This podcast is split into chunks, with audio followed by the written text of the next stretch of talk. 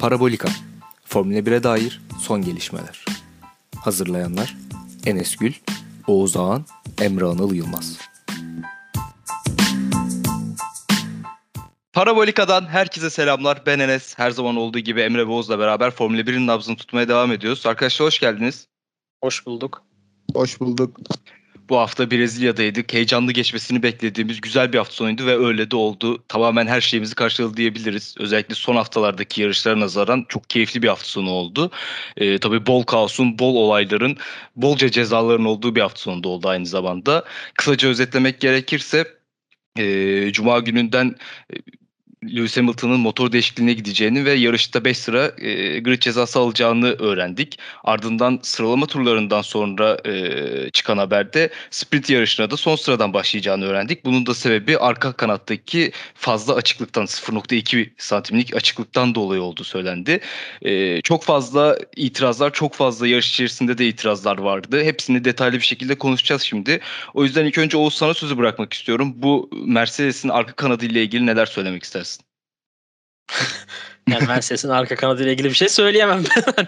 Eğer ihraç 0.2 santimlik bir ihraç Fark varmış. Etmez yani. Yarım santim de olsa olur. Bu ya bir, bir şey kural varsa yazıyorsa bitti. Hani nasıl Vettel olayında da aynısı oldu. Bitti yani bu çok şey değil.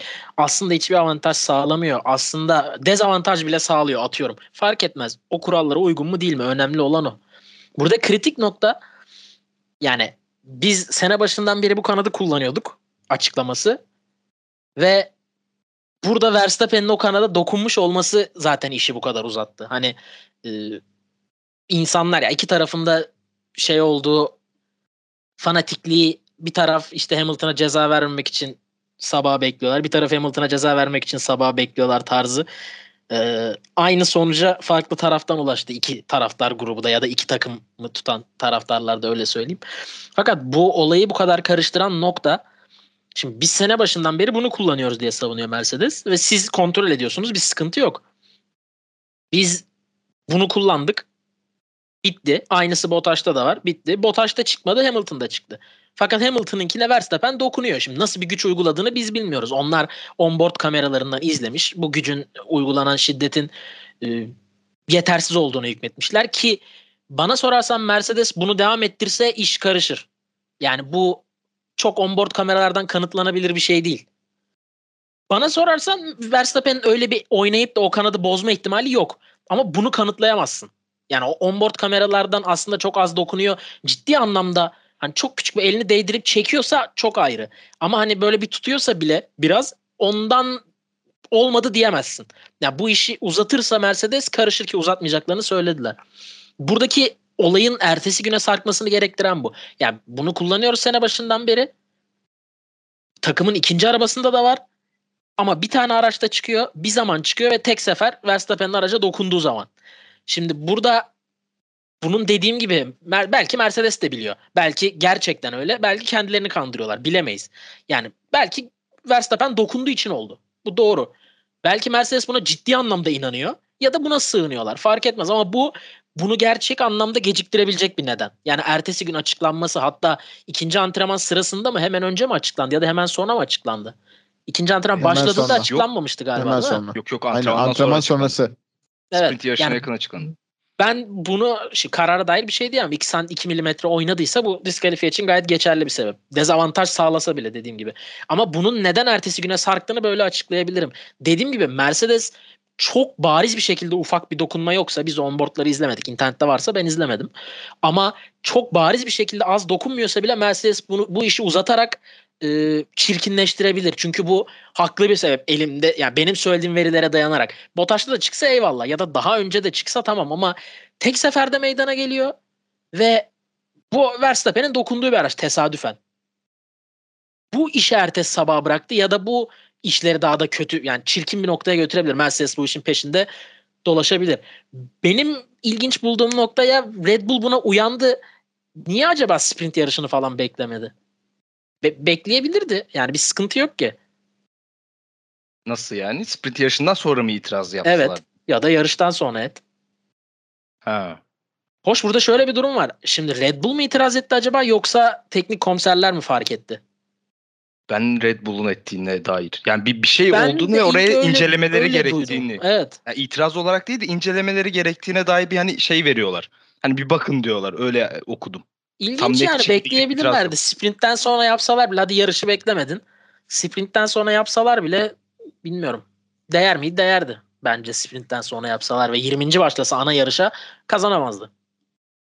Ya muhtemelen e, bu olay Verstappen değil de başka bir takımlar arasında olsaydı bu kadar üstünde durulmazdı ki. Yani daha önceden mesela Vettel'in falan da böyle bu olaydan sonra videoları çıktı. Hani ar- park halindeki araca e, dokundu işte lastiğine baktı falan ayağını koydu. Hani bu tarz videolar da gözüktü. Ama tabii ki bu e, park halinde araçlar seans bittikten sonra park edildikten sonra dokunmaları yasak pilotların.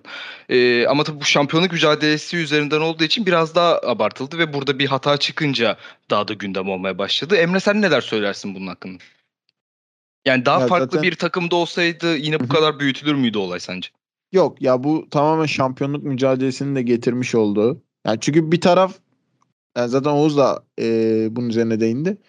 İşte biz baştan beri bu kanadı kullanıyorduk. İşte ne hikmetse Verstappen'den sonra ortaya çıktı. İşte eliyle yamulttu falan filanlar diye ayrı bir işte kulis dedikoduları diyeyim en azından e, burada. Bir öyle bir söylemler çıktı. Öbür tarafta işte Adrian Newey galiba ilk fark eden isim e, Red Bull tarafında. E, onunla beraber zaten o şikayet süreci başlıyor vesaire. O kadar uzun sürmesinin sebebini ben hani Oğuz'un dediğine bir noktada katılıyorum. İşte Verstappen'in de ne, ne olacağı e, işte o Kanada ne kadar güç uyguladı uygulamadı vesaire. Hani bunların da tam çözümleyemediler ne olursa olsun. E, daha sonrasında zaten artık Vettel bile mimini yaptı olayın. Hani durum o raddeye geldi bir süre sonra. Yani hayat memat meselesine döndü. Ama yani tamam illegal bir şey.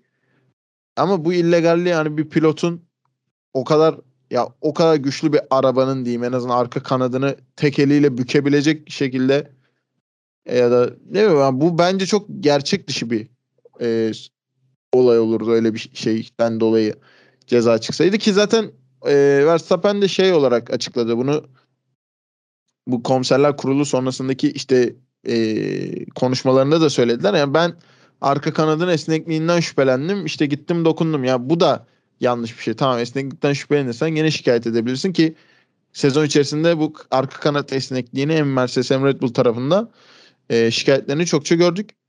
Yani bu şampiyonluk yarışından dolayı e, biraz daha abartıldı bu durum. Yani ben, özellikle zaten son 3 yarış falan kalmışken şimdi şöyle bakmak lazım. E, bu arka kanat mevzusu sezon başından beri var. Bu kadar tamam. Arada bir gündeme çıkıyordu ama çok kısa süreli oluyordu. Ya, yarışın önüne geçmiyordu bir şekilde. Ya burada yarışın önüne geçti. Ha tabii Hamilton sonra kendi önüne geçti yarışın. Oraya geliriz ama direkt daha yarış başlarken işte arka kanat hileli mi değil mi icra hani bu tarz şeylerle artık böyle e, ön plana çıktı. O birazcık tuhaf oldu ama onun dışında yani normal. Oğuz'un dediği doğru yani. Kuralda buysa avantaj ve dezavantaj fark yapmaksızın diskalifiye olursunuz yani ya da daha farklı bir ceza alırsınız neyse. Ya tabii ç- bu gü- gündem buydu. Bu kanat üzerinden bir hafta sonuna başladık ama e, hafta sonuna damga vuran isim kesinlikle Lewis Hamilton'dı. Yavaştan yarışa da geçecek olursak özellikle Q3'te attığı turlar ona birinci sıraya yaka, birinci sıraya elde etmesini sağladı. Ardından bu kanat mevzusundan dolayı sprint yarışına son sırada başlayacağı söylendi. Sonra sprint yarışında da inanılmaz bir performans, inanılmaz bir tempoyla 5. sıraya yakaladı. Yarışa 5. sıradan başladı ve e, galibiyetle bitirmeyi e, 10. kendisi sıradan başladı. Pardon 10. sıradan başladı. Orada da 5 sıralık grid cezası vardı. Tabii içten yanmalı motor değiştirmesinden kaynaklı e, orada da bir e, avantaj sağlamıştır diye tahmin ediyorum. Yani Lewis Hamilton'da bir bu hafta sonunu konuşmamız lazım. Çünkü herhalde kariyerinin en iyi, etkileyici ve en iyi hafta sonlarından bir tanesi diye düşünüyorum ben. Oğuz sen ne dersin? Yani sonda söylediğine zaten katılmak mümkün değil de bu hani Red Bull açısından keşke itiraz etmeseydik noktasına bile gelmiştir iş. Yani e, ya tabii sprintte alacağı 3 puan vardı, o vardı, bu vardı ama Uyuyan devi Son sıraya gönderip- gibi bir şey herhalde. yok yani şey galibiyeti daha hani şimdi bu Hamilton kazandı, Verstappen ikinci oldu. Tamam. Minimum hasardan işi farklı boyuta götürdü. Yani e, Red Bull eğer itiraz ettiyse ya da hakemler kim bulduysa bu işi epikleştirdi. Yani yarışa en arkadan başlıyor, geliyor. Takımın Red Bull'un yani şamp bir aracı şampiyonla lideri takımda bir puan geride olan aracın sprint yarışının 24 turu 2 küsür saniye arkasında bitiriyor. Devamında 10. sıraya düşüyor. Buradaki en büyük şansı Norris'in aradan çıkması. Çünkü muhtemelen Norris'e takılırsa takılacaktı. Norris'in aradan çıkması diğer araçları zaten hani takır takır geçeceği çok belliydi. Muhtemelen Norris'i Perez'den bile daha zor geçecekti. Eğer devam etseydi. Ricardo'da bile gördük bunu. Ee, bunun aradan çıkması devamında Verstappen'in yaptığı hani değişik savunma hamleleri falan filan ona rağmen geçilmesi hani e, Verstappen, Red Bull, FIA daha da epikli yani daha da görkemli hale getirdi. Hamilton birinci başlasa 15-20 saniye fark atsa en hızlı tur alsa kazansa bu kadar durulmayacaktı bile üstünde. Yani Hamilton birinci işte Verstappen ikinci. Mercedes bu pist daha iyiydi diyelim. Bottas da üçüncü oldu diye bitecekti hikaye. Ama dediğim gibi her şeyin üst üste gelmesi bir de Hamilton her şey yani en geri diskalifiyeye cevap verdi beşinci oldu. Yarışa başladı Perez'i geçti onunla Bottas'la yer değiştirdi falan filan. Hamilton işte bir dışarı itti bir zikzak yaptı bir şey yaptı Verstappen. Onu geçti hani her şeye bir cevap vererek kazanması biraz daha farklı bir hale getirdi. Yani bu uyuyan devi uyandırdı değil de galibiyeti daha görkemli hale getirdi. Yani Red Bull'u biraz daha kötü duruma Mercedes'i biraz daha iyi durumda gösterdi diyeyim. Yoksa yani Hamilton burada uyuyan dev muhabbeti yoktur herhalde. 3 yarış kala uyumuyordur ya. Son haftalarda kendisi de yani kendi açıklamalarından dolayı da çok performansları beğenmediği için aslında onu söyledim. Mercedes'te tabii ki e, sonuç yarışta Red Bull'un galibiyetleri ön plandaydı. O yüzden söyledim bunu ama haklısın çok doğru söyledin. Yani burada çok fazla faktör onları daha da iyi göstermiş oldu. E, Red Bull'da bundan şikayetçidir diye düşünüyorum. Emre sen neler söylersin Hamilton'ın performansı için hem de Mercedes'in performansı için? Şimdi zaten e, Türkiye ile beraber diyeyim. Mercedes'te bir en azından akıl karışıklıkları zaman zaman işte Hamilton'ın amiyane tabirle kendini parçalaması e, hem mental olarak hem performans olarak ki Amerika'da bunu gördük. Yani muhtemelen biraz da zaman olsa birinci de olabilirdi. E, bu tarz eylemler, bu tarz sekanslar yaşadığımız zaman, gördüğümüz zaman şimdi akla ister istemez şöyle bir senaryo geliyor. Ee, zaten bunu geçen haftaki Meksika'da da konuştuk. İşte şampiyonluk yarışı işte son 4 haftaya girerken Brezilya'da neler olacak diye bekle e, ekstradan bir Mercedes'lerin önüne çıkması bekleniyordu zaten. Şimdi Hamilton özelinde şöyle bir şey var. Zaten Türkiye'den beri hemen hemen hani e, şampiyonluk potasındaki fark gittikçe açılırken kısa vadede de olsa burada hani hem e, galibiyetin epikleşmesi bir yandan bir yandan Hamilton'ın gayet e, yani sıradanmış gibi gösterdi ya. Hani şimdi ne bilmiyorum kadın yani çok sıradan bir şey yapmış gibi gösterdi ama olağanüstü bir şey. Ama Hamilton yaptığı için de hani ha, baba büyüksün de diyebiliyoruz yani. Başka bir şey de e, çıkmıyor o yönden. Şimdi şöyle son üç yarış kala Hamilton bence moral motivasyon olarak biraz daha e, özellikle geçen haftaki o Meksika dramasından sonra diyeyim o çaresizlikten sonra e, bence moral motivasyon olarak Red Bull'dan bence Mercedes'le beraber o e, aurayı ele geçirdiler. O avantajı bence kaptılar psikolojik avantajı. Ne kadar puan farkı olursa da olsun.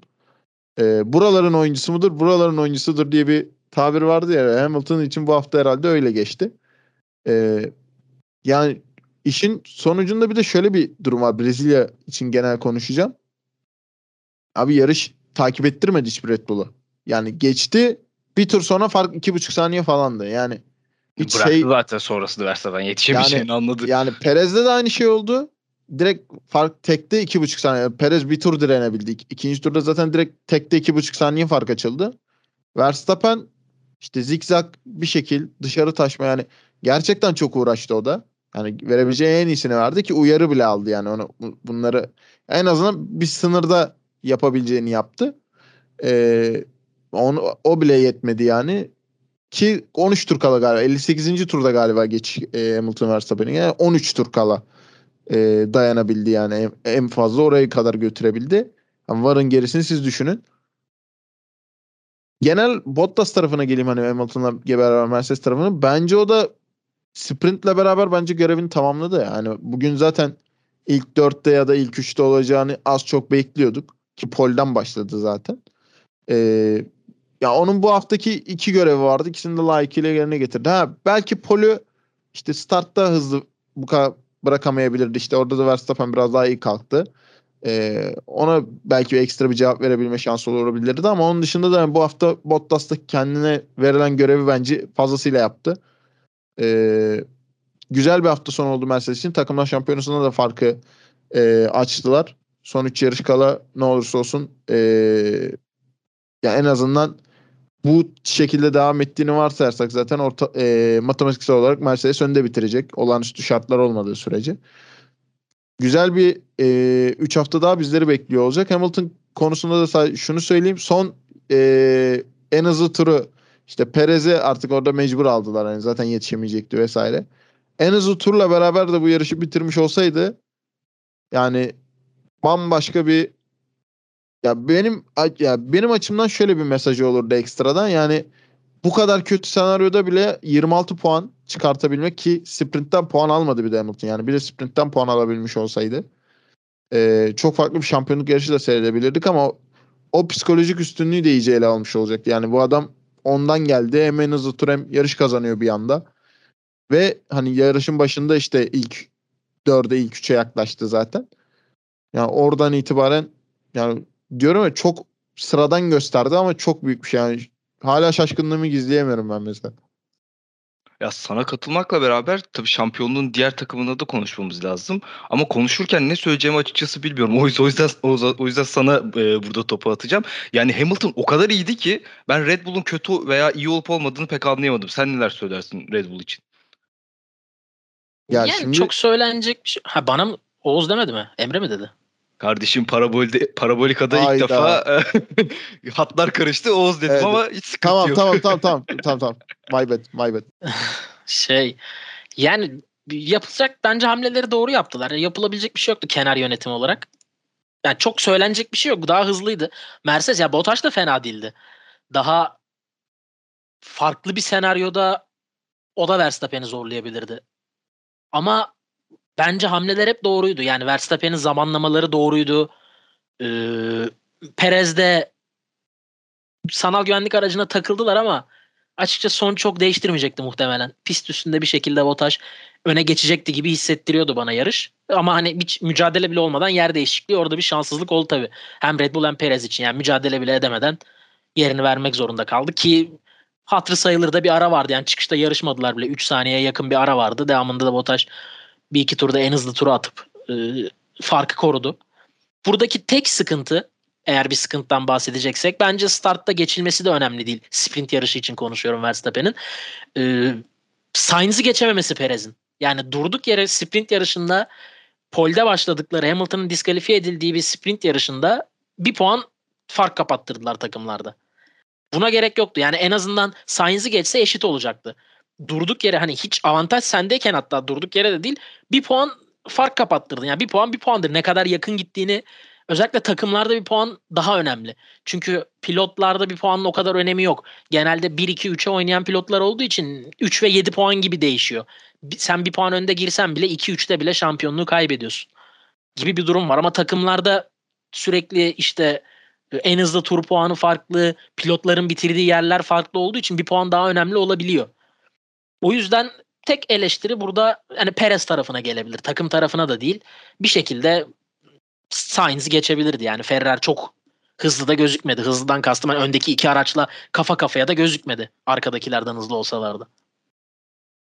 Emre sana da şöyle sorayım. Yani bu, bu hafta sonu yaşadığımız farkı sence kalan 3 yarışta da görür müyüz? Yoksa bu hafta sonu özel bir şey miydi?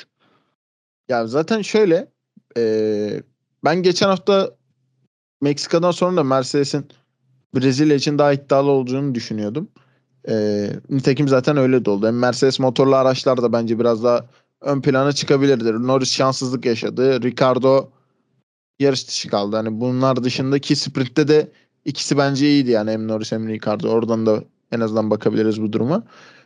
Ya bu haftalık mı sorusu yani son 5 yarışa baktığımızda sadece Brezilya'da öne çıkan bir Mercedes gördüğümüz için Hani bu iddiaları sadece en azından belli bir oranda acaba diyebiliriz ama şimdi kalan 3 yarış e, ikisi takvime ilk kez geldi.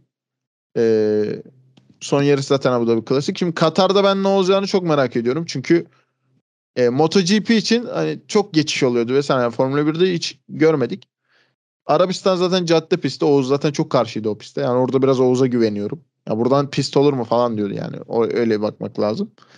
Ya bence bu haftalık değildi. Yani zaten şimdi e, motor değişimi de aldığı için Hamilton ekstradan o yeni parçanın da bir sonraki yarışta da illaki bir katkı e, edeceği malum. Daha kısa da bir hafta sonu olacak ekstradan hani bir sprint vesaire de olmayacağı için.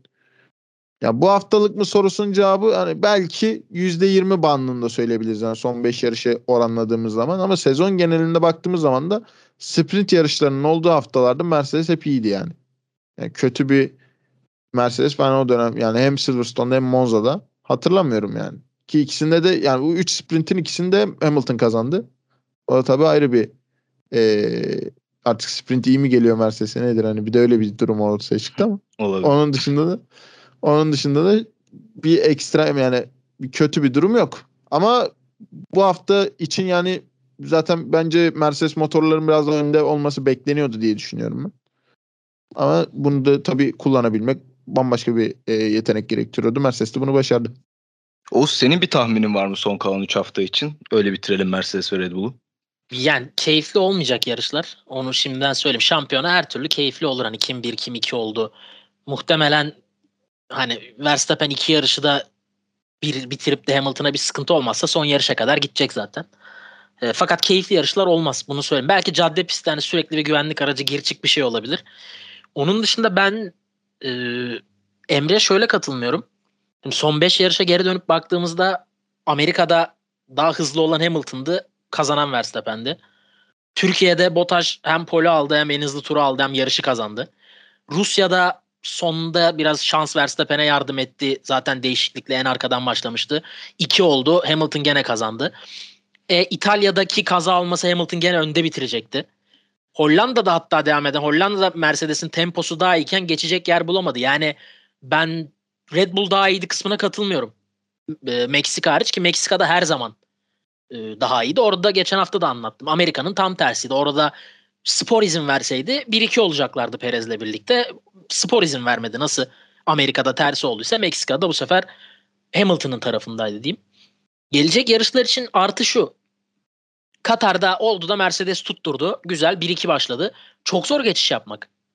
Yani Mercedes kalan 3 pistin ikisinde iyi olsa 1-2 yapabilir. Çünkü Bottas form tuttu. Ee, bu hafta sonu da çok iyiydi. Yani sprintte de iyiydi. Ciddi bir şekilde tehdit bile oluşturmadı Verstappen sprintte ona. Ee, bu yarışın startı biraz karışıktı. Gene start da hani karışık olduğu için böyle oldu. Normal bir start olsa muhtemelen 2'de devam edecekti Perez'e de geçilmeden. Yarışta öz- sözünü biliyorum Oğuz. Yarışta Tabii. da ikinci sıradan kalksaydı bence Bottas daha da iyi olabilirdi.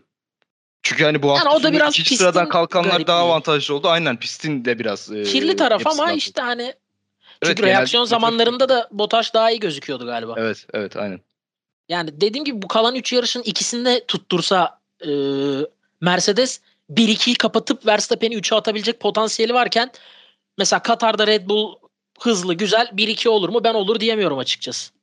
Yani Perez Verstappen'in arkasında ikinci kalır diyemiyorum ama Katar'a geldik e, Mercedes hızlı 1-2 olur mu? Olabilir. Olur gene diye ama olabilir. Çok daha yüksek ihtimal Bottas'ın oraya tutunması.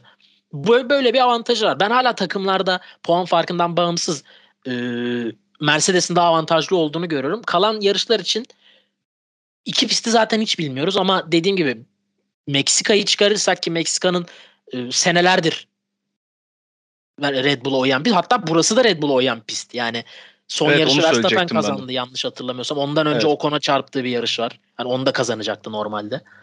E, Albon'la şeyin teması vardı. E, Hamilton bir teması vardı. Önde gidiyordu Albon.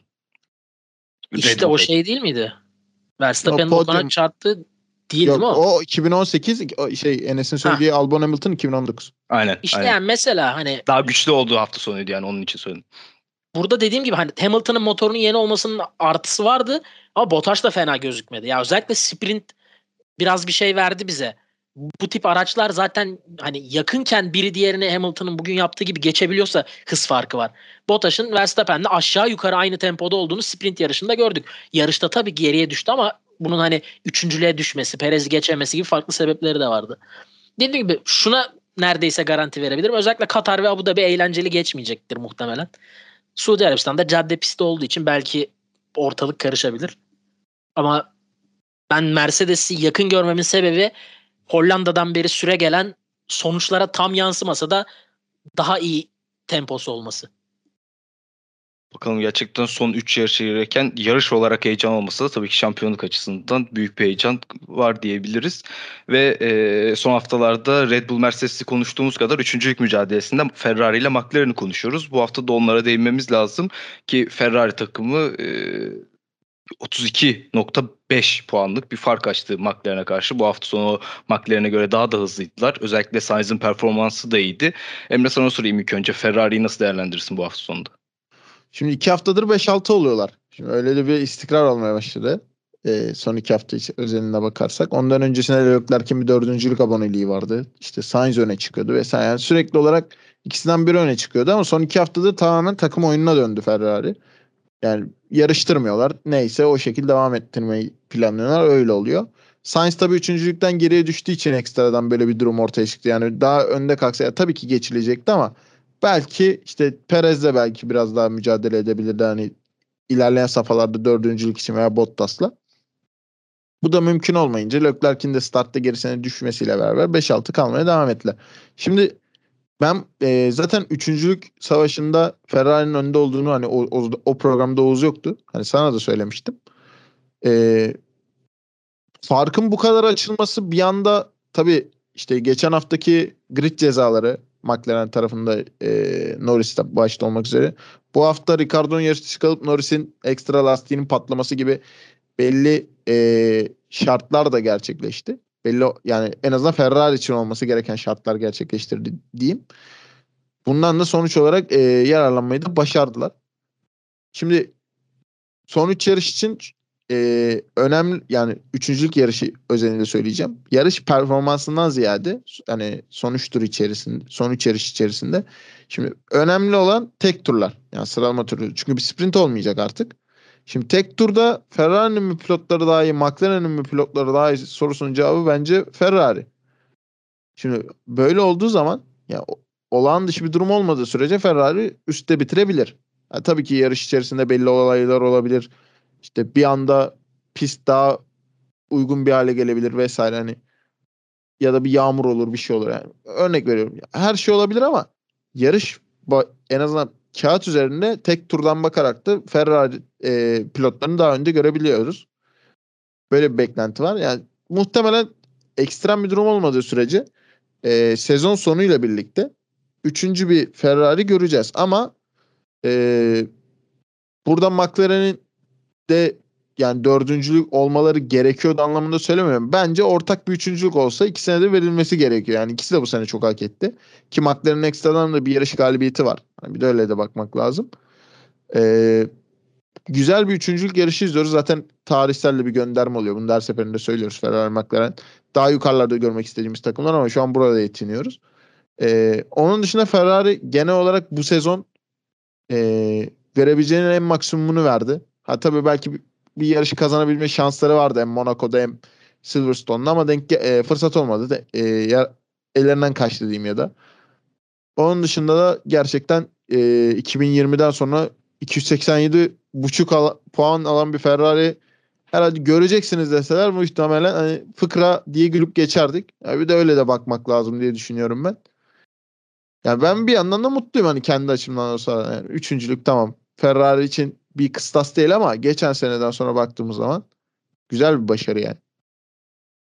Oğuz sana da McLaren üzerinden soracağım üçüncülük mücadelesini. Özellikle Lando Norris'i sezonun ilk yarısı diyebiliriz. İlk 10-11 yarış diyebiliriz. Çok daha istikrarlı bir şekilde görüyorduk ama e, Macaristan ve Belçika yarışlarından sonra biraz daha e, puanlama yani sıralamada çok fazla ileriye götüremedi kendini. E, ilk hafta ilk yarıda beşincilikten aşağı inmiyordu. İkinci yarıda beşincilikten yukarısı yok hiçbir zaman. Hep sekizinci, yedinci ve veya puanlamadığı yarışlar oldu Norris'in. Bunun da tabii çok büyük etkisi var. Hem Norris'in performansını hem de McLaren Ferrari'yi de senden dinleyelim. yani ben çok katılmıyorum. Aslında ikiniz de söylediklerine katılmıyorum. Önce Emre'den çok kısa başlayayım. Ben bu sene özelinde doğru ama genel olarak tek turda McLaren pilotları daha iyi. Yani bu seneki Ricardo'ya bakarsak tabii ki Ferrari pilotları daha iyi de bu seneki Ricardo'dan birçok pilot daha iyi. Hani buna Gasly, Alonso, Ocon belki Vettel bile diyebiliriz bu seneki Ricardo özelinde. Fakat genele baktığımızda ben e, ya Ferrari pilotları iyi diyemem. Çok kafa kafaya çok denk dört pilot var. Dediğim gibi bu seneki Ricardo hariç. Diğer tarafta Norris'e gelirsek e, şimdi son sıradan başladığı ya da 19. diyelim Meksika var. Bir puan çıkartıyor. İlk turda tam tur patlak lastikle yani neredeyse tam tur attığı bir Brezilya var. Bir puan çıkartıyor. Rusya'yı zaten biliyoruz. Kendi aldığı karar. Ama Yağmur 10 dakika geç başlasa ilk yarış galibiyeti geliyor gibi durumlar var. Ee, hala puan alamadığı iki yarıştan birisi e, Botaş'la Stroll'ün dağıttığı Macaristan startı. Diğeri de yarışılmayan Belçika yarışı. Yani hala puan alamadı iki yarış var. O yarışlardan sonra devamlı puan almaya devam ediyor. Kaldı ki 3 yarış söyledim. Hani Amerika ve Türkiye'de bir şey oldu mu ekstra hatırlamıyorum açıkçası. Ama Rusya ve bu son iki yarış zaten ortada. Buradaki dengeleri tek başına Ricardo değiştiriyor. Yani geçen yarış kabaca tekrar edelim. iki Ferrari yarışma ihtimali varken mahvetti. Bu yarış yine yani bir şey yok. Ortada bir şey yok. Yani bütün hafta sonu yaptığı en başarılı şey muhtemelen Hamilton'ı en çok arkasında tutan pilot oldu. Bir 2-3 tur Hamilton takıldı sprintte. Onun dışında gene ortada hiçbir şey yok. E bunun üstüne Leclerc'in zaten istikrarını ve kalitesini biliyoruz. Sainz'ın bu sprint yarışı gibi bu tip çıkışları o üstüne eklenince Ferrari daha e, komple bir takım haline alıyor. Ya hala Norris ikisinin de önünde ki bu son iki yarışı anlattık. Yani bu yarış söylediğimiz gibi tam tur attı patlak lastikle. Gene bir puan. Meksika sondan başladı. Yine bir puan. Hani bunlara rağmen hala önünde. Normal bir iki yarış geçirseydi muhtemelen hani en kötü ihtimal 7. olurdu bu iki pilotun da arkasında. 5-6 7'yi tamamlardı. Ama ona rağmen önde kalması, ona rağmen bu işin içinde tutması hani Ricardo'nun artık ortaya bir şeyler koyması gerekiyor. Bu da çok mümkün mü? Bilmiyorum yani bir var bir. Bir var bir var bir yok diyeceğim. Onda da hani bakıyorum İtalya'da kazandı. Onun dışında iki tane dördüncülüğü var. Biri yarışılmayan Belçika. Yani yarış yapılmadı. Diğeri de Ve Rusya. var. Hani sonu zaten karıştı. Ya da bir tane de beşinciliği var. Onun dışında iki Evet. tane varmış. Onun dışında bir şey yok ki McLaren'le olursun zaten. Olursun. Burada sıkıntı hani senin takım arkadaşın dört kere podyuma çıkıyor. Bir tane pol alıyor. Dediğim gibi yani Rusya kendi hatasıdır ancak normal şartlarda en kötü ikinci. Hani 5 podyumu var neredeyse. Sen bir tane eğri doğruya geldi. Verstappen ona çarptı. O bir şey yaptı. Gridin arkasına düştü. Sen aldın yarışı. Hani bu var bir tek elinde. Diğer tarafta 3 podyum var. Sainz tarafında. Kendi hatasıyla da olsa yarışsa muhtemelen bir galibiyet gelecek. Monaco var Leclerc tarafında. Ayrıca bir podyum var. E, bir pol var Azerbaycan'da dördüncülükle bitse de. Yani hani 3 pilota bakıyoruz. Ricardo'yu geride bırakıp. Gerçekten üçü de tek başına şampiyona beşincisi olmayı ya da takımlarda takımını üçüncü yapmayı hak eder hak etmiş konuma getirirken Ricardo çok net bir şekilde yani bu üçlünün arkasında Sainz var. 34 puan geride. Ricardo daha fazla. Yani puan durumuna bakmasam şu an ve hani çok takip etmesem yarışları izlesem derim ki muhtemelen Gazli'nin de arkasında Ricardo ve ciddi bir puan farkı var ön tarafla. Çünkü yok ha yani iki yarış ikinci yarış şu dördüncü olduğu yarışların biri yarışılmadı zaten. Rusya aklıma bile gelmiyor nasıl dördüncü oldu. Mesela o kargaşadan dördüncü çıktı herhalde. Aklımda bir tek kazandığı yarış var İtalya'da. Bu kadar ama diğer tarafta saydığım o pilotların sürekli yani bugün Leclerc'in gerisinde kalsa bile cumartesi günkü sprint performansı Sainz'ın seneye neler yapabileceğini gösteriyor. Ya da ya bu hafta sonundan koydu bir puanı koydu cebine işte mesela takım. Bir puan bir puandır böyle bir rekabette. Kendisi için bile bir puan bir puandır. Baktığında 8-9 puan var takım arkadaşıyla. E onun da 3 puan önünde zaten Norris. Yani Sainz'ın bile ciddi bir şekilde şampiyona 5.lik ihtimali var şu an. Ki bu üçlünün en arkasında. O yüzden burada farkı Ricardo belirleyecek. Ricardo da belirleyebilecek durumda mı? Çok gözükmüyor yani.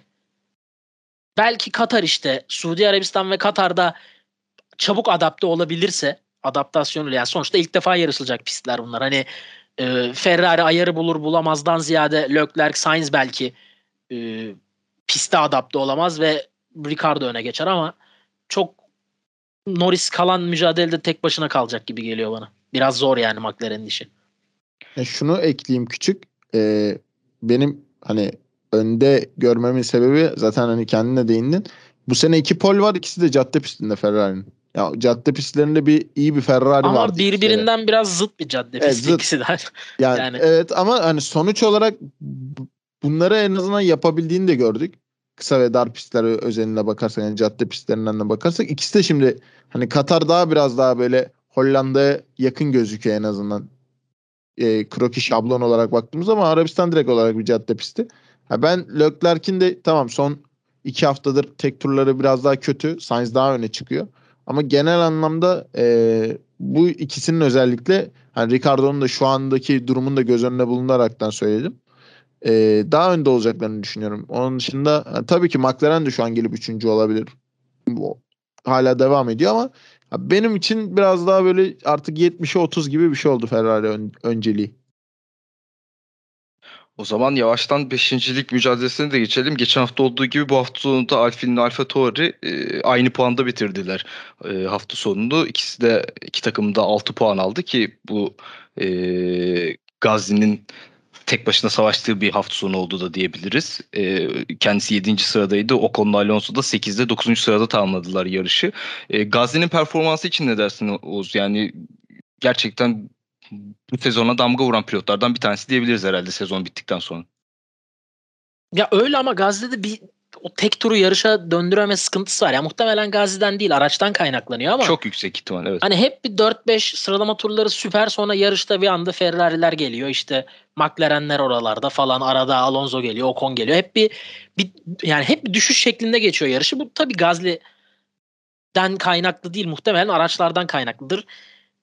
Ben Sainz'ın söylediği hani Alfa Tauri bizden iyi niye böyle yapıyorlara çok katılmıyorum açıkçası. Ben Ferrari McLaren'in önde olduğunu düşünüyorum. Fakat e, Alfin'le söylediğin gibi eşit puanda kalınmasının tek sebebi Sunoda'nın yani bir türlü o isteneni verememesi. Hatta birçok yarış bir şey verememesi. Bundan kaynaklanıyor. Yoksa ben Alfin'den net bir şekilde e, iyi olduğunu düşünüyorum. Alfa Tauri hem aracının hem de Honda motorunun Renault motorundan tabii e, aynı şekilde. Burada yani söylenebilecek çok fazla bir şey yok. Sadece şunu söyleyebilirim. Ya Sunoda'ya böyle hani kırmızı lastik takıp da bırak eğlensin yapmaktan ziyade bence pistin üstünde daha fazla kalabileceği senaryolara gidilmeli. Hani Sunoda'ya kırmızı takalım yükselsin işte sonra güvenlik aracı girer ya da işte işi karıştır hani yani herkesi geçer bir şeyler olurdan ziyade gerek Gazli ile aynı taktik gerek daha sert hani pistin üstünde kalacağı taktik belki daha iyi olabilir. Bunun en azından denenmesi taraftarıyım. Devamında muhtemelen Sunoda için hedef Stroll olmalı. Yani e, arkadaki araçların zaten arkada kalması bekleniyor. Bugün de hedefindeydi zaten- zaten. Yapman başarı değil.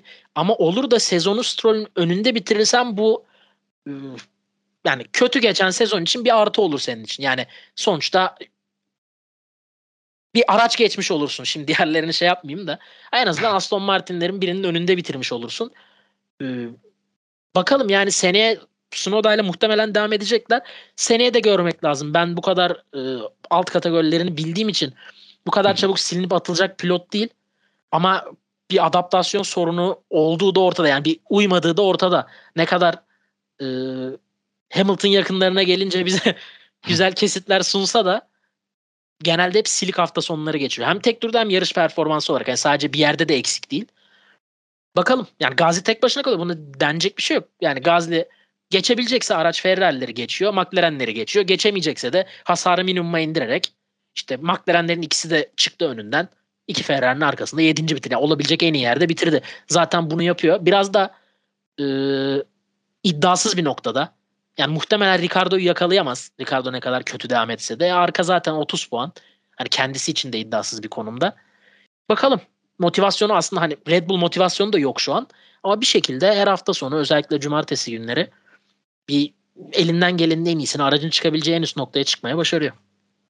Ya aslında dediğin gibi Red Bull cephesi de çok kolay bir şekilde bırakmayacak gibi gözüküyor Sunoda'yı. Hem de e, senin bildiğin kadar onların da tabii geçmişini bildikleri için. Çok kısa da Stroll olan kazası sence doğru karar mıydı onu soracağım sana. Ondan sonra Emre'ye bırakacağım sözü. Bence değil. Çünkü ben ilk izlediğimden itibaren şeyi fark ettim. Stroll değil Vettel olsa o kaza olmazdı. Yani biraz daha uyanık, algıları açık bir pilot olsaydı e, o kaza olmazdı. O kazanın Temel sebebi Asıl Sunoda değil kazaya yani. vesile ol yok şimdi Suno da vesile oluyor ama o hata Russell'a yaptığında o öyle uyumaz orada. Bir anda tak diye dışarı kırar. Der ki işte dive bomb yaptı, o yaptı, bu yaptı. Şikayet eder ama o temas olmaz. Onu e, kime örnek vereyim? Norris'e yaptığında olmaz. Sainz'a yaptığında olmaz. Bu tip hem genç hem uyanık pilotlara ya da tabii e, Alonso, Hamilton, Verstappen'i ayırıyorum. Böyle e, mesela Ocon'a yaptığında da o kaza çıkabilir. Ocon da bir an uyuyabilir. Ama dediğim gibi başka bir pilota olsaydı bu saydığım isimler gibi o kaza olmazdı.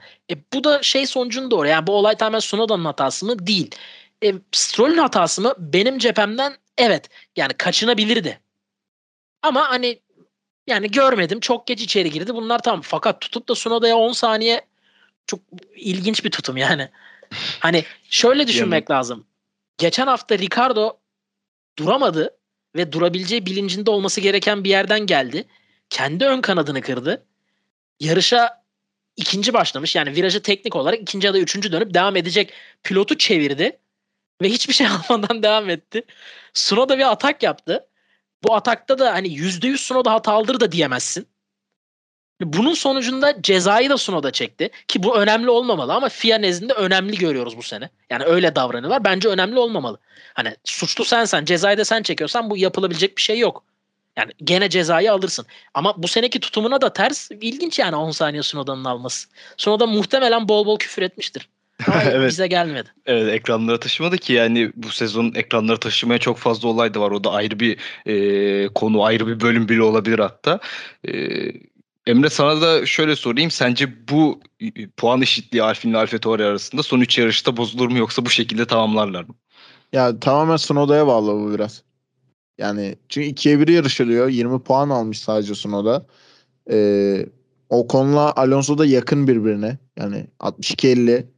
Yani ideal bir şekilde devam ediyor. Birbirlerine yakınlar gayet. De, tabii ki Alonso'nun e, önde olması biraz Ocon'un eksisine yazar. Hani bireysel bakarsak ama ya takım olarak Alfin zaten iki pilotundan da fa- istediğinin fazlasını alıyor belki de.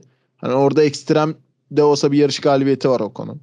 Hani biraz göz boyamaya en azından yardımcı oluyor Ocon'un bu sezonki performansı için. Ee, yani Gazze zaten 92 puan Oğuz da demin söyledi. 30 puanlık bir fark atması ayrı bir tarafa. Yani Alfi'nin kazandığı ee, bu puanın yani 5'te 4'ünü Gazze almış. Şimdi hal böyle olunca yani Sunoda cephesine kalıyor iş biraz. Yani geçen hafta Meksika'da psikolojik olarak bir dayak yedi. Şimdi burada keza hem FIA tarafından bir dayak yedi 10 saniye ceza hem de zaten kanat kırıldı yarışı mahvoldu. Yani iki haftadır böyle bir acaba düzelir mi den, denecek durumdayken iki haftadır çöken bir Sunoda izliyoruz. Yani son üç yarış kalı umarım düzelir. Yani ben düzelmesini isterim çünkü yani Bahreyn'de ilk, ilk yarıştığı zaman çok şey vaat ediyordu Formula 1 için en azından. Orada da 9. olmuştu galiba yanlış hatırlamıyorsam. Yani iyi bir performans göstermişti işte ilk yarışındaydı vesaire. Tabii daha sonrasında beklenilen bir türlü olmadı. Yani arada bir puan alıp e, hayatına devam eden bir pilot olma yoluna e, devam ediyor. Oğuz'un söylediği şeye katılıyorum. E, Sunoda konusundakini. Yani Stroll'ü geçerse bir başarı sayılabilir ama onun dışında zaten Russell'a geçilirse zaten e, herhalde çanlar çalmaya başlar. Beşincilik mücadelesi konusunda da ben tahminimi söyleyeyim. Ben Alfi'nin beşinci olacağını düşünüyorum. Çünkü ne olursa olsun iki pilottan da bir şekilde verim alabiliyorlar. Ha ama şu var. Alfi'nin biraz da şansı yanında oluyor. Mesela ikisi Q2'de eleniyor iki pilot ya da bir Ocon Q3'te Q1'de eleniyor neyse. Bir grid cezası oluyor. Tak ikisi bir anda ilk ona çıkıyor. Yani bu yönden biraz şansları da yanında oluyor. Ee, yani bu tarz senaryolar çokça yaşandı Alfin tarafında. O yüzden Alfin'in ben 5. olmasını e, daha muhtemel görüyorum ama olur da Alfa Tauri 5. olursa direkt bence Gazli'ye hatta e, ek, ekstradan bir heykel falan neyse direkt onu yapsınlar yani. Hani şu an mübalağa ediyorum ama gerçekten tek taşımış olacak yani bir yerde. Bakalım yani gerçekten şampiyonluk mücadelesi, üçüncülük mücadelesi, beşincilik mücadelesi çok çekişmeli geçiyor. Neler olacak son üç yarışta nelerle karşı karşıya geleceğiz? Açıkçası herkes gibi biz de merak ediyoruz diyelim. Ekleyecek bir şeyiniz yoksa bu haftalıkta Parabolika'nın sonuna gelelim. Haftaya Katar'da, e, Katar Grand Prix'sinin ardından dinleyicilerimizle birlikte olacağız. Biz dinlediğiniz için teşekkür ederiz. Haftaya görüşmek üzere. Hoşçakalın. Hoşçakalın. Hoşçakalın.